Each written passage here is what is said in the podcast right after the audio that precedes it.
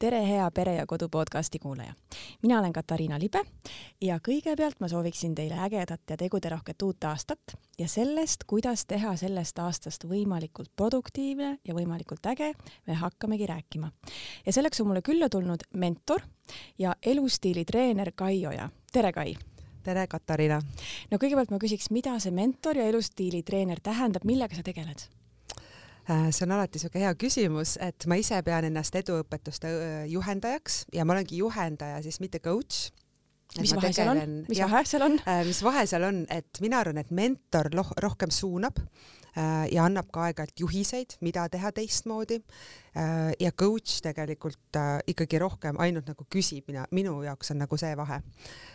ja mis ma siis teen, ma tegelikult olen äh, grupimentor, et me räägime ka üks-ühele inimestega, aga ma võtan klientideks siis ainult grupi oma inimesi äh, oma gruppi siis inimesi võtan äh, kliendiks ja ma edastan Bob Proctori õpetusi kes on siis minu arvates üks maailma juhtivamaid eduõpetu-, õpetajaid.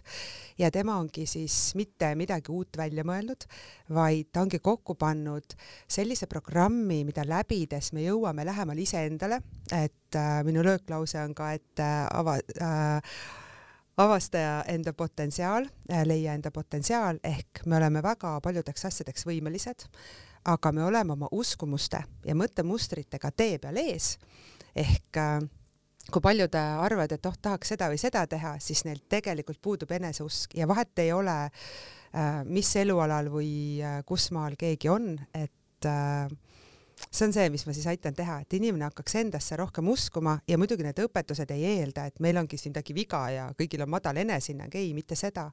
aga tavaliselt see, millest me päriselt unistame ja mida me päriselt teha tahame, siis me ei julge seda teha, sest meil on mingid asjad ees. -hmm. et mina ju ei ole ettevõtja või mina ju ei ole rikas, mina Näiteks, ju ei ole andekas. jah, mis mina siin eesmärke sean, eelmine aasta tahtsin äh, käia trennis jaanuaris, käisin, rohkem ei käinud, jah, ma ei saagi hakkama, näe, minu elu ongi see. Need mm -hmm. ongi need mustrid, aga neid on võimalik muuta hmm väga äge.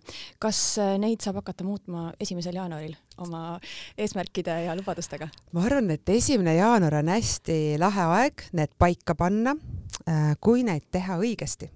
ma aitangi inimestel õigesti eesmärke seada ja see ei tähenda seda, et ma nüüd ei ütle, et kuule, et hakka nüüd ainult punast kandma või kuule, mine jõusaali või kuule, käi seal reisil ära.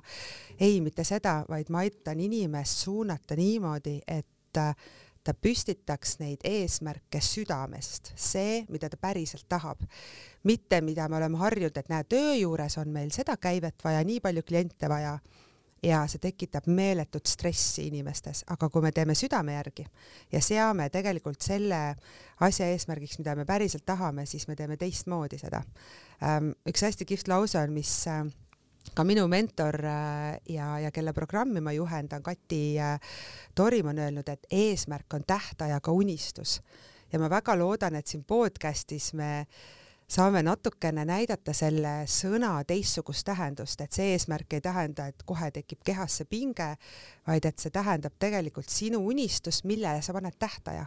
sest muidu juhtub nii, et okei okay,, tahaks elada palkmajas, see on mu suur unistus ja saad kuuekümneaastaseks, mõtled, ah, näe, ma kunagi ei saanudki palkmaja, ah nüüd on hilja. ehk kui sa paned selle asjale tähtaja ja sa hakkad sinnapoole liikuma, siis sa saad tegelikult aru, miks me eesmärke üldse seame mm. -hmm no aga kuidas siis ikkagi luua endale äge aasta? ja see on, see on hea küsimus mm. -hmm. Mm, kuidas me siis saaks luua ägeda aasta? ma arvan, et esimene jaanuar on eesmärkide seadmiseks sellepärast hea, et meil on selline esimene või teine jaanuar, võib-olla esimesel oled natuke väsinud kogu sellest aastavahetuse trallist. aga just õhtul, kui sa, see emotsionaalne pool su ajus töötab rohkem, kui sa ei mõtle enam nii palju, vaid võib-olla saad rohkem tunnetada, siis äh, hakka tegema nimekirja, mida sa nagu tahaks teha, mida sa sellel aastal tahaksid saavutada, kus sa tahaksid minna, mida mm, kogeda ja tee mingi nimekiri sellest ja vali sealt välja näiteks viis asja. Ja kaks võiks nendest olla midagi, mida sa varem üldse näiteks teinud ei ole. et äh, mingid asjad, mida sa tunned, et tõesti, ma tahan seda teha sest eesmärgi üks seadmise kriteeriumeid on see, et äh, eesmärk äh, võiks olla midagi sellist, mida sa tegelikult ei tea, kuidas saavutada, see tuleb sinu unistusest, ehk tihti me seame eesmärgiks selle asja, mida me teame, kuidas teha, me arvame teadvat, kuidas teha, aga me võiks püstitada eesmärgi, mida meil pole õrna aimugi, seda teekonda vaadates, et kuidas me sinna jõuame, aga see on asi, mida me päriselt tahame teha. näiteks äh, kaks tuhat üheksateist, esimene jaanuar, ärkasin seal perega, mul on kolm poega onju, ma arvan, me jõuame sinna pere eesmärgi seadmiseni ka. Ja mul oli sügav äh, tunne, et issand, ma pean minema fotograafi juurde, õppima poseerima, kuidagi on seda vaja, ma ei tea, miks, kuidas, see tundus mulle selline võimatu, sest ma lähen ausalt öeldes meelsamini hambaarsti juurde kui fotograafi juurde. aga kuna ma siis juba tegelesin nende õpetuste õppimisega ise, mida ma nüüdseks edastan siis ma läksin sellega kaasa ja juba paari kuu pärast olin seal Olga Maakini juures, tema rääkis, näitas mulle, õpetas asju. ja noh, kui nüüd vaadata mu kodulehte ja kõike, seal on väga palju pilte, et ma olen nüüd väga palju seda endas arendanud, ehk ma läksin nagu enda südame järgi, tundsin, et oota, seda on mul vaja, see võib-olla mõne kuulaja jaoks tundub naeruväärne eesmärk, aga see oli minu oma. ehk siis sellepärast sa peadki panema kirja need asjad, mis sulle nagu meeldivad. ja vahel mõni asi võibki justkui tunduda naeruväärne, et ah, kes mina olen, et ma seda teen. aga kui see tuleb sinu seest ja sa lood endale selle pildi, et aga kui see eesmärk on täidetud, kuidas ma siis ennast tunnen, siis sa saad tegelikult aru, et oh, see ongi äkki see asi, mis ma nüüd teha tahan. et äh, noh, minu suurim soov ongi, et inimene teeks, seaks enda südamest tulevaid eesmärke ja seda eesmärgi sõna natuke lahti selgitada. näiteks see, kui meie siin räägime ja sa peas mõtled, oota, pärast ma pidin ju sinna minema ja lapsega seda tegema ja ma pean selle asja poest ostma ja need on ka tegelikult eesmärgid, need on sellised pisikesed igapäevased. me seame neid eesmärke igal juhul, aga kui me teeks neid äh, nagu sihilikult, et kuule, aga me oleme ammu tahtnud minna Legolandi, paneme nüüd selle sinna augustisse paika, paneme selle kuupäeva paika. ja tegelikult äh, siis me saame selle ära teha et näiteks ennem koolivaheaega ma alati kirjutan lastega ülesse, nad kirjutavad vahel isegi kümme asja, mida nad tahavad suvel ära teha. tavaliselt meil on juuli lõpuks need asjad tehtud ja siis on terve august veel jumala lahe sihuke, need ei ole mingi pingeliselt, et oo nüüd ma pean neid tegema, aga kui sa need kirja paned, siis saavad nad peast paberile ja on suurem tõenäosus, et me liigume nende poole.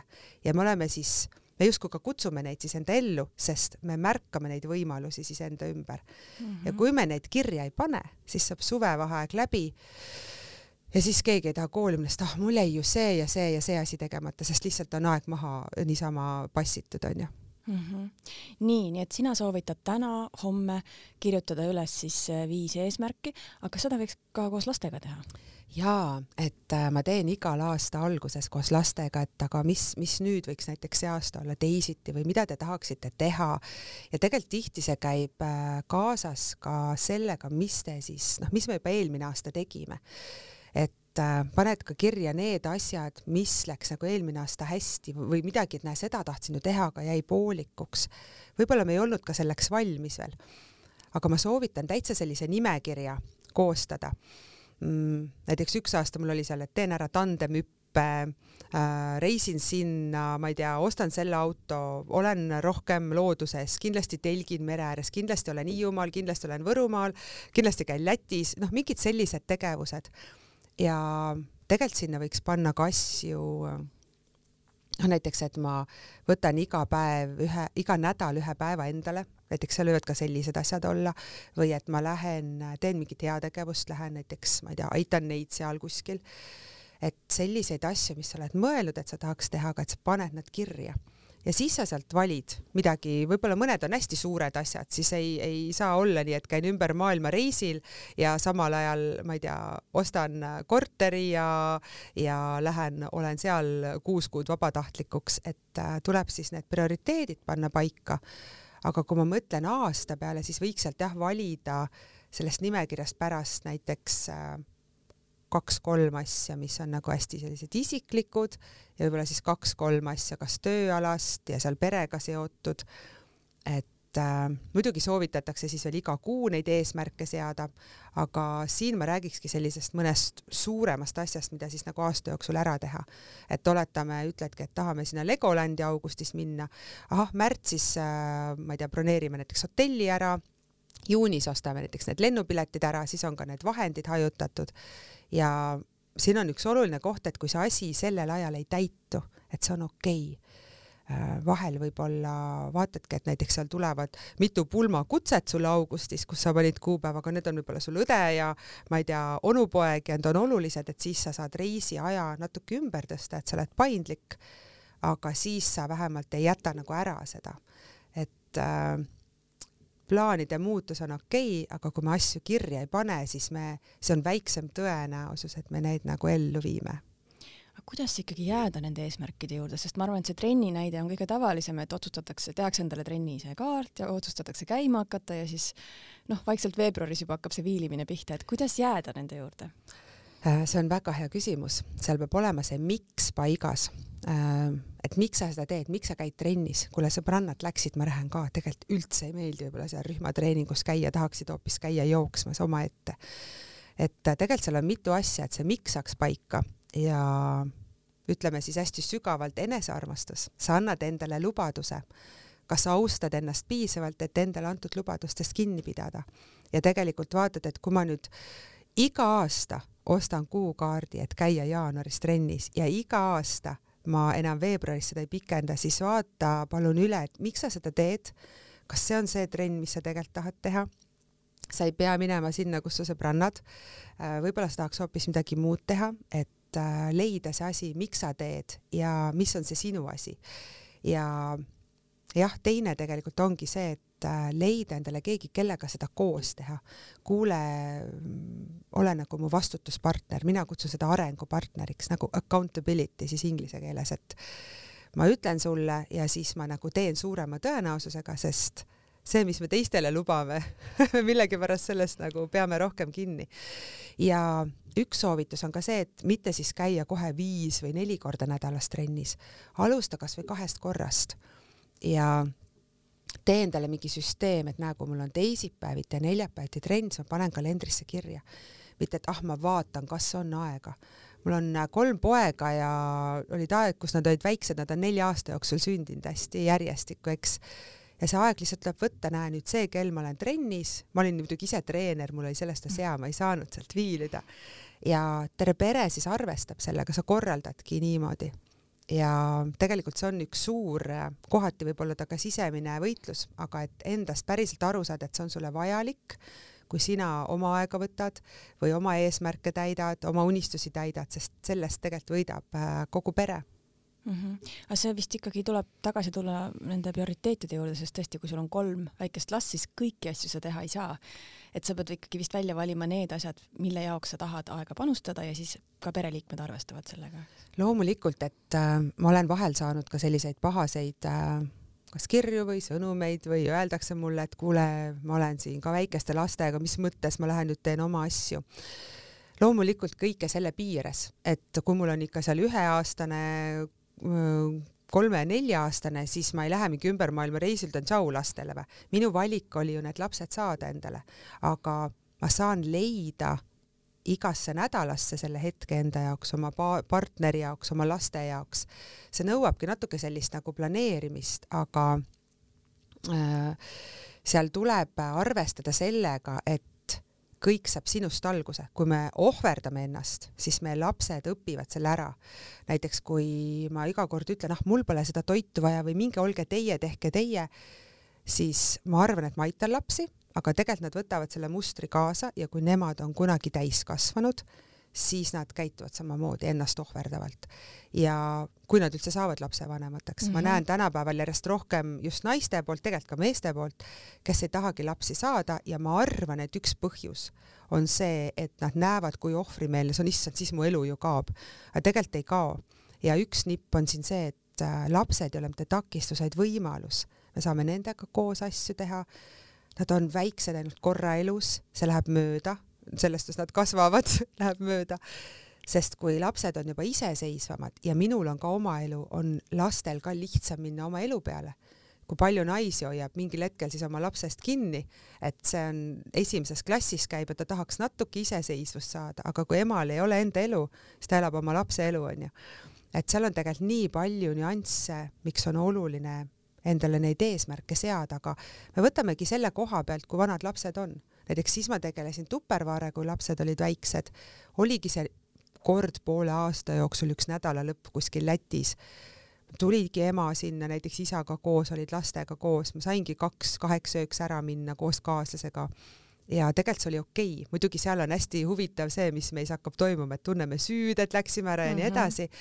et äh, see on tegelikult see sisemine töö, et saada endast nagu paremini aru, siis me saame neid eesmärke seada paremini ja et sa teed nagu seda enda pärast ja tegelikult ka enda laste pärast, eriti kui lapsed on väiksed et äh, julgus öelda, et palun ole mu lastega näiteks. mul oli mingi hetk kolm lapsehoidjat, mitte korraga, aga kui keegi ei saanud tulla, siis keegi ikka sai, onju.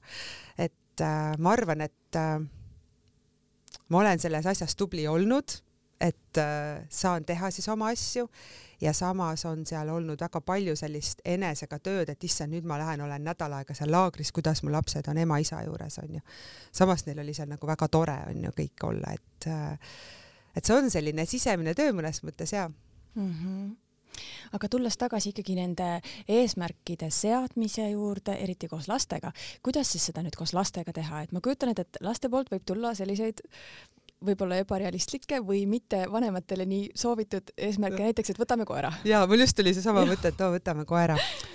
Ähm, et kuidas, kuidas ikkagi neid suunata sinna, et neil oleks siuksed realistlikud ja kogu perele sobivad eesmärgid? Mm? -hmm ma arvan, et seal tulebki lastega ka täiesti ausalt rääkida, ma olen alati nagu seda meelt, et äh, aga ütle, mis asja sa tegelikult tahaks, et näiteks suunata, et mida sa seal tahad suvel teha või mida sa ootad sellelt kooliaastalt või, või mis me võiks veel talvel teha. et mõni ajal ongi, et tahaks võib-olla kinos käia või näe sõpradega rohkem kokku saada või tahakski seda koera. Ähm, siis mina suunan tavaliselt niimoodi, et äh, me paneme nagu need asjad kirja, vahel nad ka joonistavad, ma arvan, et äh, lapsel on hea panna neid ka joonistama või, või välja lõikama ajakirjast või, või internetist saab otsida ja välja printida. ja tegelikult, kui nad need nagu sõnastavad, siis saab ka näha, kui väga ta tegelikult nagu seda tahab. et äh, üks asi on realistlik, aga teine asi on, et äh, noh, mul üks laps tahtis hullult seda droo, drooni endale, et ta saab äh, lennata, lennutada drooni, siis see seal pildistab ja filmib ja noh, minu jaoks tundub nii mõttetu vidin, vabandust, noh, see ma tean, hästi äge vidin, ma just ühe mehega üks päev rääkisin, ta oli nii vaimustuses, et äh, ma ei kiitnud justkui seda heaks, aga tema võttis selle endale eesmärgiks, ta sai sünnipäevaks raha, ta ostis selle endale. Et äh, neid suunata ka niimoodi, et äh, kui nad selle kirja panevad, kas nad seda ka mõne aja pärast tahavad. Ja suunata seda, et mis paneb sind hästi tundma. Noh, see koera eesmärk, mõnel ongi see suur kinnisidee ja võib-olla ta võtab täiskasvanu eas selle koera, onju. aga kuidas seal suunata, ma arvan, üks asi on nagu toetada last äh,, mitte hakata vastu, et ei, me kindlasti koera ei võta. jah, ma saan aru, et sa soovid seda koera, sest kõik me tahame, et meid mõistetakse ja siis saab juba, ma arvan, sealt edasi liikuda, et miks sa tahad näiteks seda koera, mis sa temaga teeksid, onju, ja vaadata siis, käia kuskil külas, kus on need väiksed äh, koerad, võib-olla tal noh, lihtsalt mingi kinnisidee peas ja noh, kuhu see nagu viib, et lapsega nagu ka arutada seda, aga mitte nagu kohe maha tampida ta unistust. ma mäletan, Kaspar Taimsoni kihvtilt ütles, kes on issand, natuke piinlik, aga minu arust pronksi, võib-olla ka hõbeda olümpial saanud kuidas tema kunagi ütles oma treenerile, ta on Viljandist pärit, et tema tahab olümpiamängudele saada. treener, mis asja, et sina ja olümpiamängudele, käiski, mitu korda on käinud, onju. et et äh, kui see on lapse unistus, siis ka küsida, et aga mis sa nüüd selleks saad teha. ei peagi tervet teekonda teadma, ta ütlebki, võib-olla mõni ütlebki, et oo, ma tahan minna olümpiamängudele või ma tahan minna sinna, ma ei tea, Ronaldoga kohtuda, jalgpall on hull popp. okei okay,, see on jumala okei okay,, et sa tahad seda, aga mis me nüüd selleks peame tegema? võib-olla see hoopis innustab teda trennis siis rohkem käima, onju, et koeraga on vaja distsipliini, et talle selgitada, mis see endaga kaasneb ja kui see on ta suur soov, siis võib-olla ta teebki mingit muudatust seal enda, enda elus selle koha pealt, see motiveerib äkki teda hoopis, kui see on tema tõsine soov, eks mm. -hmm. nii et eesmärk ja siis võiks lapsega koos läbi arutada, et mis, mis on teekond selle eesmärgini mingid jah, esimesed sammud nagu vähemalt, et või siis mis see eesmärgi täitmine endaga nagu kaasa toob. et mul ühel poisil oli suur unistus, et ma mõtlen, mis asi see nüüd on, see seisad tasakaaluliikur mm. -hmm. ja ma ütlesin, okei okay,, sul tuleb sünnipäev me noh, niikuinii tegime suure peo seal, et äh, vaatad, et mis sul puudu jääb, me saame rahaliselt juurde panna. aga kui ta selle raha sealt sai ja ta ei tahtnud seda enam, et aga ma ei keelanud tal seda, ma ütlesin, et aga kui see tuleb, siis sa saad ju selle osta, ehk siis tegelikult see oli mingi emotsiooni asi tal, kus ta kuskil nägi ja kui ta nägi, et aa, see on reaalselt tema raha, ta saaks seda hoida kas selle reisi jaoks või, või mis iganes tal see soov oli või äkki panna hoopis raha kasvama, onju. et ta on ka seda kogenud äh,, mul just õelapsed tegelevad, et panevadki mingi kümne euro kaupa kuskile investeerivad, et äh, siis ta sai aru, et oot, aga ma ostan selle asja ja see lihtsalt mul siin on ja ta tegelikult ei tahtnud seda nagu enam. Et äh, mitte nagu neid, ma arvan, takistada, aga rääkida, et kuidas siis sul on see, kui see on, et mis sa teed sellega. Noh, ma käin seal, seal me ütlesime, aga no vaata, millised need Viljandi teed on, onju, et kuidas sa sellega, kuhu sa sõidad. Ja tegelikult ta ei tahtnud, kuigi minul oli ka üllatus, et ma ütlesin, sa ei tahagi seda, no ei, ma ei taha. Ja selles mõttes äh, oli jah, täitsa huvitav see, et ma arvan, et kohe ei pea tormama ostma neid asju lastele, vaid nagu natuke läbi nagu mõtlema Äh, et kuidas neid nagu suunata siis sinnapoole, et seda asja kas saada endale või seda olukorda luua, onju. ja ma arvan, et saab suunata, noh, näiteks meil on oluline, et laps ju liiguks ja käiks looduses või jooks vett ja, ja oleneb jälle lapse vanusest, aga meil on ka iga aasta pandud, et oh, et kus meil on üks asi näiteks, suunamegi, et nii, et äh, meil on mingisugune looduses käik. Kus keegi, mis tahab minna, siis kes seal valib, ma ei tea, et oo, tahaks palju ujuda või tahame käia Hiiumaal, see aasta neil oli, et Saaremaale, täiesti kinnisidee, tahame minna Saaremaale. ja seda me saame tegelikult suunata, et näiteks me paneme need valdkonnad, et äh, mis sa tahaks sõpradega teha, mis sa ise tahad teha, mis on mingi looduses käik, mis on mingi välismaa käik näiteks ja siis saab ka nagu pere eesmärgiks panna, et kui pere koos minna, et, et jõuda sellele kokkuleppele. sest ega selle kolme poisiga on niimoodi, et kuule, kas lähme sinna, näitan vasakule, üks tahab ikka minna paremale ja see on alati nii, kaks valivad ühe ja üks valib mingi teise. ja siis me mõtleme, et aga mis järjekorras teeme, teeme seekord ennem selle, kuhu kaks valis, aga teinekord teeme selle, mis üks valis ja me teeme mõlemad ära, sest nad on ju põhjusega vennaks saanud, eks, et siis nad saavad ka kogeda seda teistsugust poolt, et õpetada seda tolerantsust nagu sealjuures, et äh, on tegelikult hästi põnev niimoodi neid eesmärke seada ja hästi jaatav olla selles mõttes, jaa, see on huvitav, mis sellest saaks, kui see nii oleks, onju et mm -hmm. ma ei tea, meil on niimoodi toiminud see igal juhul. nii et võiks olla siis nii personaalsed eesmärgid kui ka siis võib-olla pere-eesmärgid, et meie sellel aastal teeme Just, neid, neid asju, jah? ja et äh, vastavalt ju lapse kasvades me siis äh,, need natukene ju muutuvad, et et mul just õega üks päev rääkisin, kes ka hästi palju reisib, tal on kaks poega, et kui nad algul reisides käisid umbes ühest mänguväljakust või pargist teise, siis nüüd juba sa saad, oo, me saame lihtsalt mere ääres olla ja joosta või noh see nagu ju ajas muutub, kui lapsed kasvavad mm. -hmm. et äh, ja selle koha pealt realistlikuid panna, et mis on lapse eakohane. ja kui lapsele paneb mingi kõrgema eesmärgi justkui, et kuule, kuueaastane seda ju ei saa veel teha, siis teda toetada selles, sest kui ta enda sees tunneb, et ta tahab teha, et aga äkki ta tahab juba sinnapoole hakata liikuma või on selleks kuskilt otsast valmis, sest lapsed tihti teevad ju oma südame järgi mm. -hmm. kas sina ise teed ka mitmeaastaseid eesmärke, et sellel aastal jõuan sinna, järgmine aasta jälle jupike edasi? mul on niimoodi, et mul on nagu loodud äh, ütleme viie aasta visioon, et ma näen nagu suuremat pilti, noh, ma isegi näen juba tegelikult äh, sellist, kus ma seal seitsmekümne aastaselt olen, mis ma elus ütleme, olen saavutanud, see suur pilt aitab mind äh, nagu mõnusalt edasi, kui mingil hetkel tunned, nüüd ma tõmbasin ennast kinni kuskil aga neid ma ei nimetagi eesmärgiks, see ongi pigem, ma loon nagu visiooni. Mm.. näiteks äh, pere ema-isa äh, võikski iga jaanuar äh, mõelda, et aga kuidas me näeme, et meie pere on viie aasta pärast, et, et millised on need suhted, just kasvõi panna kirja neid seisundeid, neid, kuidas me soovime tunda, et näed, et lapsed on viis aastat vanemad, aga nad julgevad meiega tulla rääkima ja meil on ikka ühised õhtusöögid või me teeme ikka ühise selle väljasõidu kuus korra või suvel pikemalt või et mis on need pereväärtused.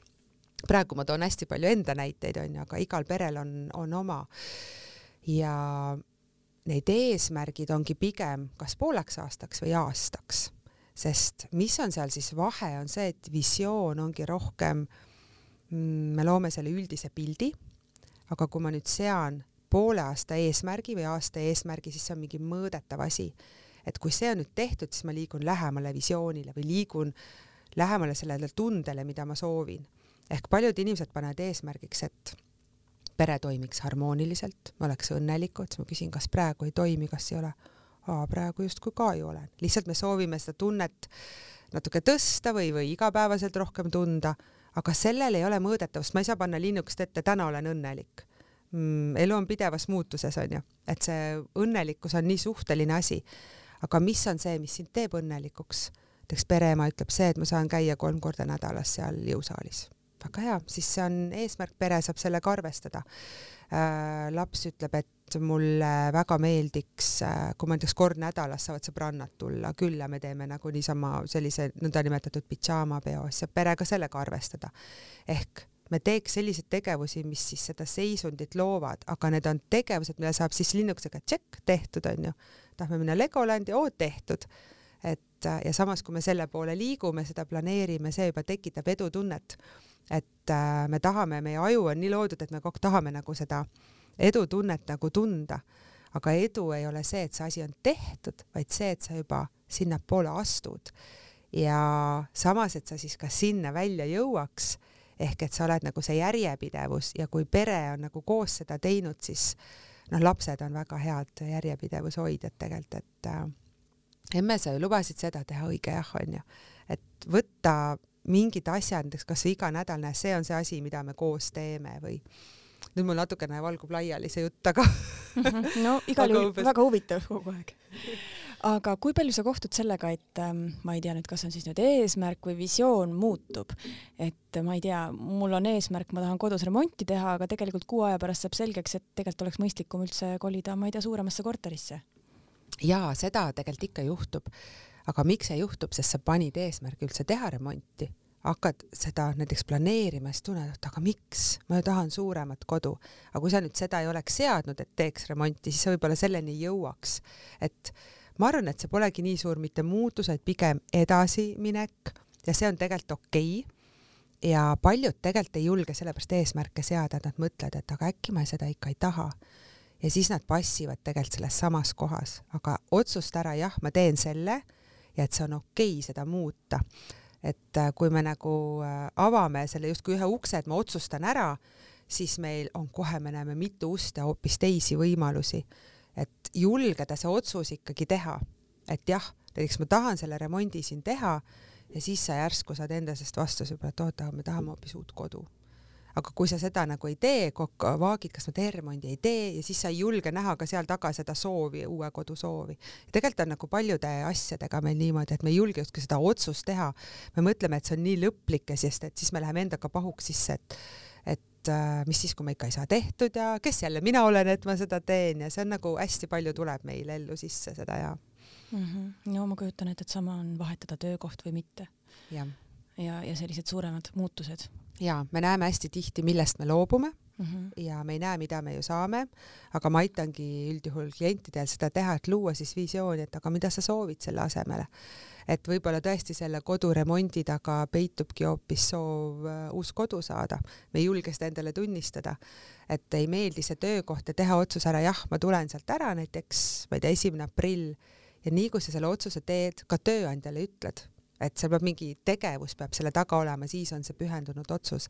ja siis sa saad vaadata, mis uksed veel avanevad, aa, kui ma nüüd seal enam ei tööta, mis ma siis tegelikult teha tahan, kus ma siis töötan, mis ma siis teen aga ennem kui me otsust ära ei tee, meile tihti need vastused kuskilt ei tulegi mm. -hmm. kui näiteks keegi kaalub sellel aastal töökoha vahetust, mida sa talle soovitad, kas võiks kirja panna, et mida sa täpselt soovid oma seal uuel töökohal näha ja kogeda? Jah, et üks hea viis on see välistamise meetod, et paned kirja, mis praeguses töökohas siis ei meeldi ja siis vaatad, mis sealt siis järgi jääb, et mis on need vastandid, mis ma sooviks, et uues töökohas oleks.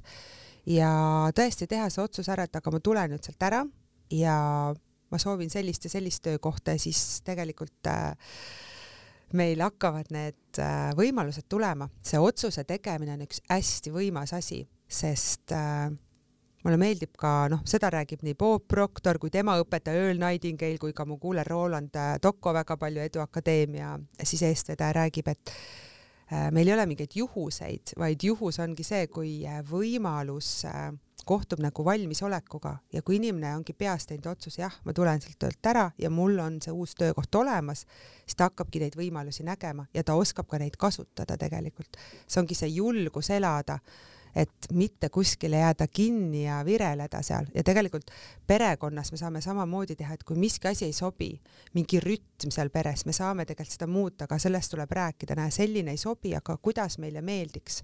ja me saame nagu äh, noh, koos on tegelikult ju lihtsam teha, saab nagu äh, otsustada, et aga teeme nüüd sest nii mm. -hmm. see töökohavahetus on selles mõttes hea näide, et kui sa ütled end ümbritsevatele inimestele, et sa otsid uut töökohta, siis võib ka mingeid võimalusi tulla. no tänapäeval pannakse sotsiaalmeediasse muidugi et.... just, et tee, tee suu lahti ja. ja kui ei julge sotsiaalmeediasse, mõni ei julgegi panna, aga lihtsalt nagu räägi, et kas sina tead kuidagi kedagi või kuskil või mm -hmm. et äh, jaa, tuleb nagu suu lahti teha tõesti, sealt saab palju abi mm. -hmm. me oleme nüüd palju rääkinud sellest nagu uuest aastast ja edasivaatamisest, aga kui palju sa vaatad tagasi või kui palju peaks tagasi vaatama, kas sa aasta lõpus teed mingeid aasta kokkuvõtteid ka?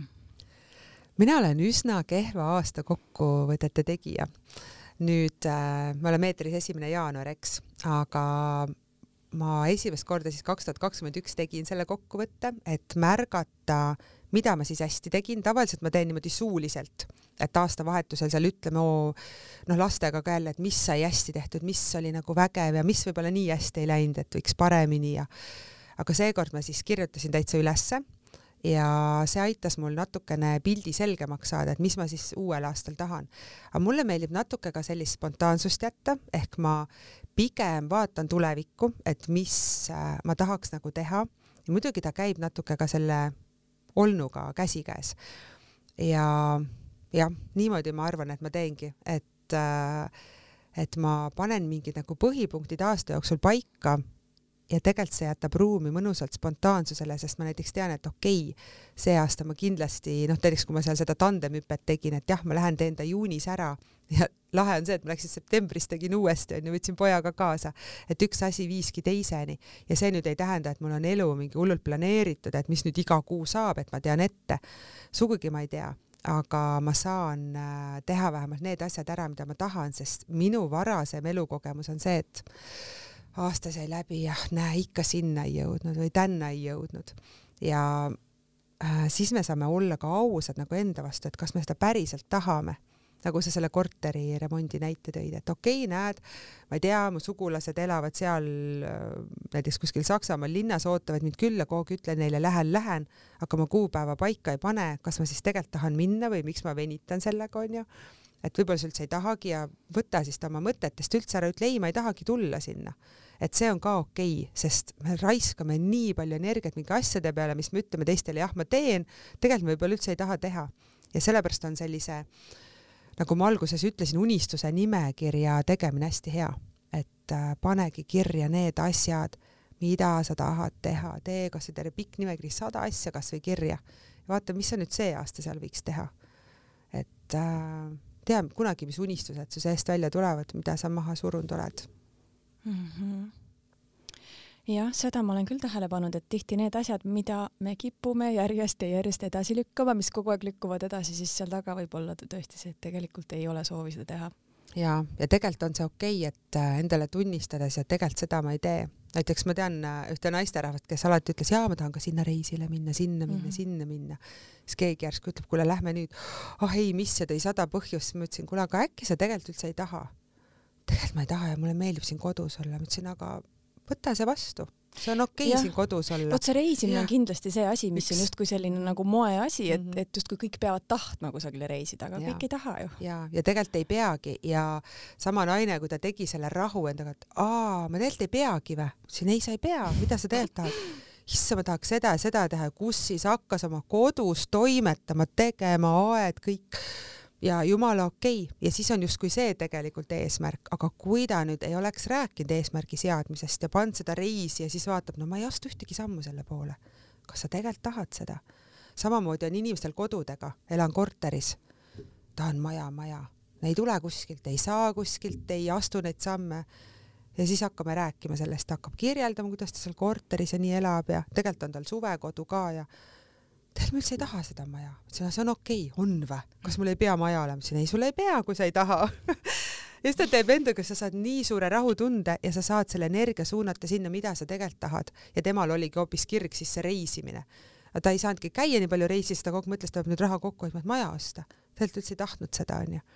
ehk see eesmärgi seadmise juures on oluline, et kas see on sinu eesmärk, sest ega lastel see näide, see tasakaaluliikuri näide oli sama, et see tegelikult ei olnudki tema eesmärk. ja ta jõudis sinna tänu selleni, et ma lubasin, jah, muidugi osta see endale, mina ei osta sulle seda, sinu soov, sul tuleb sünnipäev ja tegelikult ta sai aru, et ta ei tahagi seda, sest et ta nägi seda raha ja ta sai aru, et oot, aga ma saan midagi muud selle eest, onju mm. -hmm. eks see on samamoodi moeasi nagu täiskasvanutel on omad moeasjad nagu maja ja reisid ja, ja.. jah. kas sul on mingeid ähm, harjumusi, mida soovitada, mida siis inimesed võiksid äh, uuest aastast oma päevakava võtta? on. Äh,, ma väga soovitan äh, enda igapäevaellu võtta tänulikkus. Mina kirjutan tänulikkust, ma mõtlen, ma ütlen, aga minu väljakutse teile. kolmkümmend päeva, ma ütleks isegi üheksakümmend päeva, terve elu, aga alustame, alustame kolmekümnest üheksandast päevast, et sa iga päev oma perega ütled, mille eest oled tänulik, kolm asja see on esimene asi, mida ma nüüd kolm aastat tagasi siis oma pereellu integreerisin. et hommikusöögilauas, minul on alati komme, et laps, lastega ma koos olen seal enne kooli minekut, nädalavahetusel ka ja igaüks ütleb kolm asja, mille eest ta on tänulik. Ja noh, üks poiss on mul selline, kes on natuke rohkem mossis vahel ja vahel seda üldse sealt ei tulnud, ma ütlesin, aga kas sulle võileib maitseb? jah, ma ütlesin, aga mis siis, kui sa oled sellest tänulik? no veits olen. no et mingisugune torisemine tuleb ja, ja tänaseks on see sinna jõudnud, et näiteks üks päev üks auto sõitis mulle ette, pidurdas, sest tahtis paremale pöörata, siis noh, mis sa siia sõidad, et oleks võinud mu taga oodata parempööret. laps kõrval ütleb, saadame nüüd armastust, oleme tänulikud, siis hakkad ju naerma, noh, mis sa ikka muud teed. Ehk see tänulikkus aitab meil äh, pöörata tähelepanu sellele, mis meil on hästi, isegi kui vahel on midagi halvasti, meil on alati kaks poolt koos, duaalsus, vastandid, me ei saa ilma, elus on alati hea ja halb käsikäes. küsimus on, millele tähelepanu pöörame. ja kui su lastel jääb see komme, et märgata seda head siis see on üks väga võimas asi. ja tõesti, vahel noh, kui nad, kui lapsed on oma isaga, siis nad vist pidid seal autosõidu ajal seda ütlema, kui isa end kooli viib, minu arust nad lähevad nii lähedalt, et me ütleme, et ma ei vii neid autoga kooli, siis nad, me ütleme hommikusöögilauas.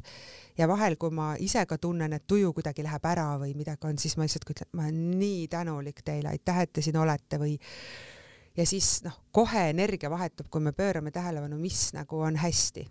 Äh, ja siin on nagu see oht, paljud ütlevad, et no aga siis ma mätsin kinni selle halva, ei, sa ei mätsi, sa lihtsalt leiad lahenduse kiiremini, sest selles kohas, kus see probleem tekkis, selles samas ei ole lahendus. aga kui me juba suudame öelda aitäh! või see on hästi, no nagu psühholoogid ütlevad, loe kümnest üheni või kõnni korra teise tuppa, igaühel on omad nipid, siis see tänulikkus aitab ka kohe muuta nagu seda energiat ja vaatenurka ja teine asi, mis arvatakse, et kui ma olen tänulik, siis ma nüüd ei seagi eesmärke, ei liigu elus edasi. vastupidi, tänulikkus loob hea enesetunde ja see paneb sind edasi liikuma. ma ei sea eesmärke selleks, et ennast hästi tunda, vaid ma juba tunnen ennast hästi ja see aitab mul eesmärke seada, sest ma olen seda väärt, et teha see tandemhüpe ära, ma olen väärt, et olla seal Hiiumaal nädal aega, mitte et ma lähen nüüd seda head otsima ja tegelikult ise olen pahur edasi. et ma väga soovitan võtta see tänulikkus enda igapäevaellu, äh, et ise oled eeskujuks ja tead, see on algul nii võõras, esimest korda ütled, see hääl muutub, ma olen nii õnnelik ja tänulik selle eest, et ja lapsed, mida nad teevad, nad näevad, et see on justkui alguses sihuke teeseldud. sest ennem pole nagu seda öeldud. Noh, mina olin selline naine, kes iga asja üle, ole nüüd tasa ja söö ja teeme selle ja selle ja ma olin selline hommikusöögi laua ääres ja noh, see ei toiminud, sa tundsid alati vastikut pinget seal ja nüüd, kui ütled seda tänulikkust, lapsed lähevad hea meelega, nad jagavad, mis veel koolis toimub. noh, see on hästi-hästi mõnus ja ise olla aus ka selle tänulikkusega. ja veel üks väljakutse siis järgmine kord, kui oma vanemate juurde või, või ämma-äia juurde lähete, kes meid siin kuulavad, tehke seal ka sama oi, mul ema-isa päris kõvasti tuli algul pisaraid, sest lapsed ütlevad nii ilusaid asju. et mis on justkui nii elementaarsed ja lihtsalt ütle välja see asi, mida sa kiidaks oma naabrinaisele, näe, mu laps teeb nii hästi, on hea, ütle oma lapsele ja ole nagu tänulik talle selle eest hästi,. hästi-hästi lahe mm. -hmm jah, sest kui lastele seda edasi anda, siis on see üks suur rikkus neile, et neil on siis terve elu tass on pooltäis. Ja, ja nad oskavad ka ise hiljem täita seda, et ei ole neid katkiseid täiskasvanuid nii palju, kes lähevad suhtesse, ütlevad, tee mind õnnelikuks ja nad teavad, et nende seest tegelikult tuleb see, eks. et äh, meil on nii palju kriitikat, näed, et miks sa kolme said või kuule, siin on see A-täht valesti esimese klassi lapsel, et ütle talle lihtsalt äh, ja mul on poistega kuidagi nii avatuks see suhe läinud, nad vahel ka ütlevad, aga emme, nüüd ma nagu tunnen, et ma jälle tegin selle valesti ja siis me saame nagu rääkida selle lahti, et ei, sa ei teinud tegelikult midagi valesti, tead, minul umbes tuli sealt see asi kuskilt, mul oli seal üks päev oli mingi kärbes akna peal, ma tahtsin seda lasta äh, nagu teha akna lahti, et kärbes mineb välja, siis lillepott hakkas kukkuma, siis ma püüdsin seda, siis õis murdus ära. Siis lapsel oli mingi häda, muidugi ma tõstsin häält ja samal hetkel ma kohe, stopp, Kai kallistada, ta ütles, ei, see ei ole üldse sinus praegu, et vaata, mul läksid asjad siin kokku, et aga laps kohe võtab, siis ta ütleski oh,, ma arvasin, et mina nüüd siin tujutsesin, ma ütlesin ei, ei, ei, see polnud üldse sinu, onju.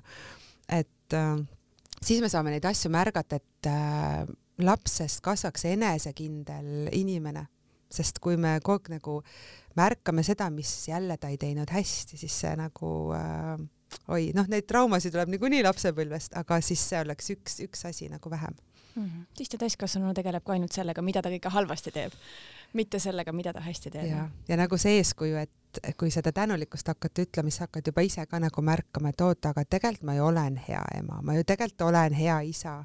et mm. -hmm. kui nad vastu ütlevad sulle, et aitäh, sa, et sa ja, tegid seda ja, ja. ja minule lapsed ka ütlevad, et emme, sa oled hea emme, ära nüüd siin seda arva, sest vahel keegi, keegi tuleb ka seal mingi kolmega koju või kohe nagu võtad nii isiklikult, onju, aga nad juba nagu oskavad seda öelda et äh, nemad just minul pöörasidki tähelepanu sellele, et kui sa siin pahandad, siis sa jälle kohe arvad, et sa oled nõme ema, sa ei ole ju tegelikult. ma ütlesin ei ole jah, ma ei tea, miks ma seda arvan et see on nagu lahe. Äh, kas sul on mingeid hommiku ja õhturituaale ka, mida sa oskaksid soovitada? Äh, ma, ma siin ärkasin äh, viis kolmkümmend pikka aega kuni nüüd siis kaks tuhat kakskümmend üks suvi ma teadsin, et aa, suvel ma tahan olla õhtutega üleval, ma ei hakka punnitama ja mul on hommikurutiin, ma enam viis kolmkümmend ei ärka äh, täpselt et.... mis kell sa magama läksid, küsin vahele. Äh, ja no ikka sihuke kümme pool üksteist, aga eks ta seal suvel läkski vahel ju südaööni ja siis jääbki und nagu liiga väheks. Aga mis see hommikurutiini mõte on, mitte nüüd punnitatult on ju teha, aga just, et enne lapsi ärgata, olla korra iseendaga. Ehk ei ole arvutit, ei ole telefoni, ei ole telekat, vaid ärkad ja vaatad, et oota, aga mis mina siin täna tahan teha, kes mina selline olen. sest kui äh, ma olin noh, aastaid hästi pahuks iseendaga, et ärkad ja juba on kohe lapsed siin ja seal ja juba annad nii palju energiat ära ja pole nagu ise saanud endale peeglist otsa vaadata, oo tšau, sina siin, kuidas läheb, onju. siis äh, vahel on mul nii, et ma ärkan võib-olla ainult kümme minutit enne lapsi, vahel ärkan seal pool tundi, tund aega äh, ma lihtsalt tõusengi äh, ülesse, kell heliseb, üks suur muudatus, mis ma nüüd just olengi teinud siin aasta lõpus, et nii kui ma ärkan, ma tõusen üles, lihtsalt vahel võib-olla istungi seal voodi peal.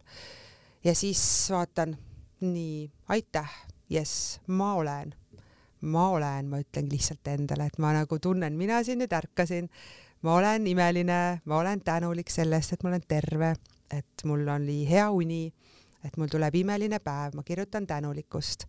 Ma saadan armastust, ma küsin päevaks juhiseid, see on selline tänulikkuse praktika, mida ma läbi teen, siis äh, viimasel ajal on see, et kui ma tõusen püsti, mõtlen, no mis ma veel teha tahan? Ja mu keha hakkab liikuma ehk ma saan kontakti oma kehaga. ja ma räägin alati peegli ees, kui ma seal vannitoas olen äh,, ütlen oma eesmärki peegli ees äh,, kiidan ennast lihtsalt, tänan oma keha, et ta on terve, iga päevaga järjest nooremaks. kõige kihvtim on see, et ma, mulle õudselt meeldib Jennifer Lopez ja siis, kus ta seal Operaga räägib, ütleb samamoodi, et aga ta ütlebki iga päevaga jään järjest nooremaks. Mhm, tema jääbki. on ja ta jääb päriselt ka onju, et ja see tegelikult on võimalik, sest meie rakud ju kogu aeg uuenevad, loomulikult, et me, me nagu vananeme, ütleme nii, aga mis siis, kui mõtteviis on see, et ma siin ei ole mitte vana, vaid ma olen ju noor edasi, eks, et, et see noh, see on suur teema, aga see on minu hommikurutiin ja õhtul enne magamajäämist ka ma püüan, et ma ikkagi tund aega ennem ei ole seal nutiseadmes. ma kas loen äh, Äh, ma tavaliselt seal toimetan kodus, mulle nagu hästi meeldib, kui ma päev otsa olen teinud tööd ja klientidega tegelenud. Ja lihtsalt toimetangi seal kodus. Ma näen, et see on võimalus, see ei ole kohustus, ma olen selle nagu totaalselt ümber nagu muutnud. Ja õhtul magama minnes ma siis ka ütlen tänusid, mis ma päevas hästi tegin, vahel peegli ees tunnustan ennast millegi eest. Näe, selle ma tegin täna hästi või oo, et ma jätsin, ma ei tea, selle šokolaadi söömata või, või äh, noh, jätsin mingi asja tegemata, mida ma ei tahagi teha või et äh, see loob nagu hästi mõnusa une, sest just see ärkamise ja magamamineku äh, staadiumid on sellised, kus äh, noh, me oleme juba suikunud või just ärkamas kuidas me saame enda ellu kõige rohkem seda mõnusat nagu luua, et äh, vahel ma teen ka nii, et ennem kui ma üldse midagi teen hommikul, lihtsalt ütlen aitäh, aitäh, ma vahel ei tea, mille eest, ma ei saa vahel aru, kus ma olengi, kui ma võõras kohas olen, ma lihtsalt nagu loon seda head tunnet, sest ise mina saan otsustada, milline päev mul tuleb, et mina tunnen ennast hästi, ükskõik kellega, kuidas ma kokku puutun. ja see on üks hästi-hästi võimas asi, ta võtab lihtsalt natuke harjutamist mm. -hmm. nii et iga õhtul, igal hommikul natukene iseendaga ja, ja iseendaga. et seda, mida tahad ja noh, vaimustuda sellistest asjadest, see elurõõm on lihtsalt, see on tegelikult nagu nii vägev, et äh, isegi kui midagi lastega oli või ei läinud nagu tahtsid, et saada aru, et aa, mis ma sellest nüüd õppisin, kuidas ma saan järgmine kord paremini mm. -hmm aga aitäh sulle, Kai. on sul veel mingisugune viimane soovitus kuulajatele selleks uueks aastaks? ma ütlen ühe asja, et et iga päev kallista oma last ja ütle, kui tähtis ta sulle on. Ja lihtsalt täna selle eest, et ta on olemas, mitte siis, kui ta midagi teeb.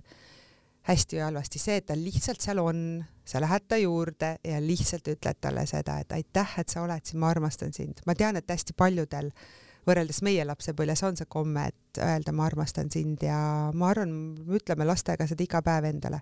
sa ei saa oma lapsi ära hellitada, mitte kunagi et ütle neile, kui olulised nad on nagu päriselt mm -hmm.. võib-olla asjade ostmisega saab? või ei? tead, kui, kui me, kui me selle tänulikkuse ja selle hea sõna sisse viime, siis äh, need asjad kuskilt maalt kaovad ära mm nende asja, kui laps tahab väga palju asju, siis vaata peeglisse, et kas sa veedad temaga piisavalt palju aega koos. ma arvan, see on lihtsalt mingi kompenseerimine seal mm. -hmm aitäh, Kai! aitäh sulle! aitäh, armas kuulaja, et sa meid ära kuulasid. mina soovin sulle imelist ja teguderohket uut aastat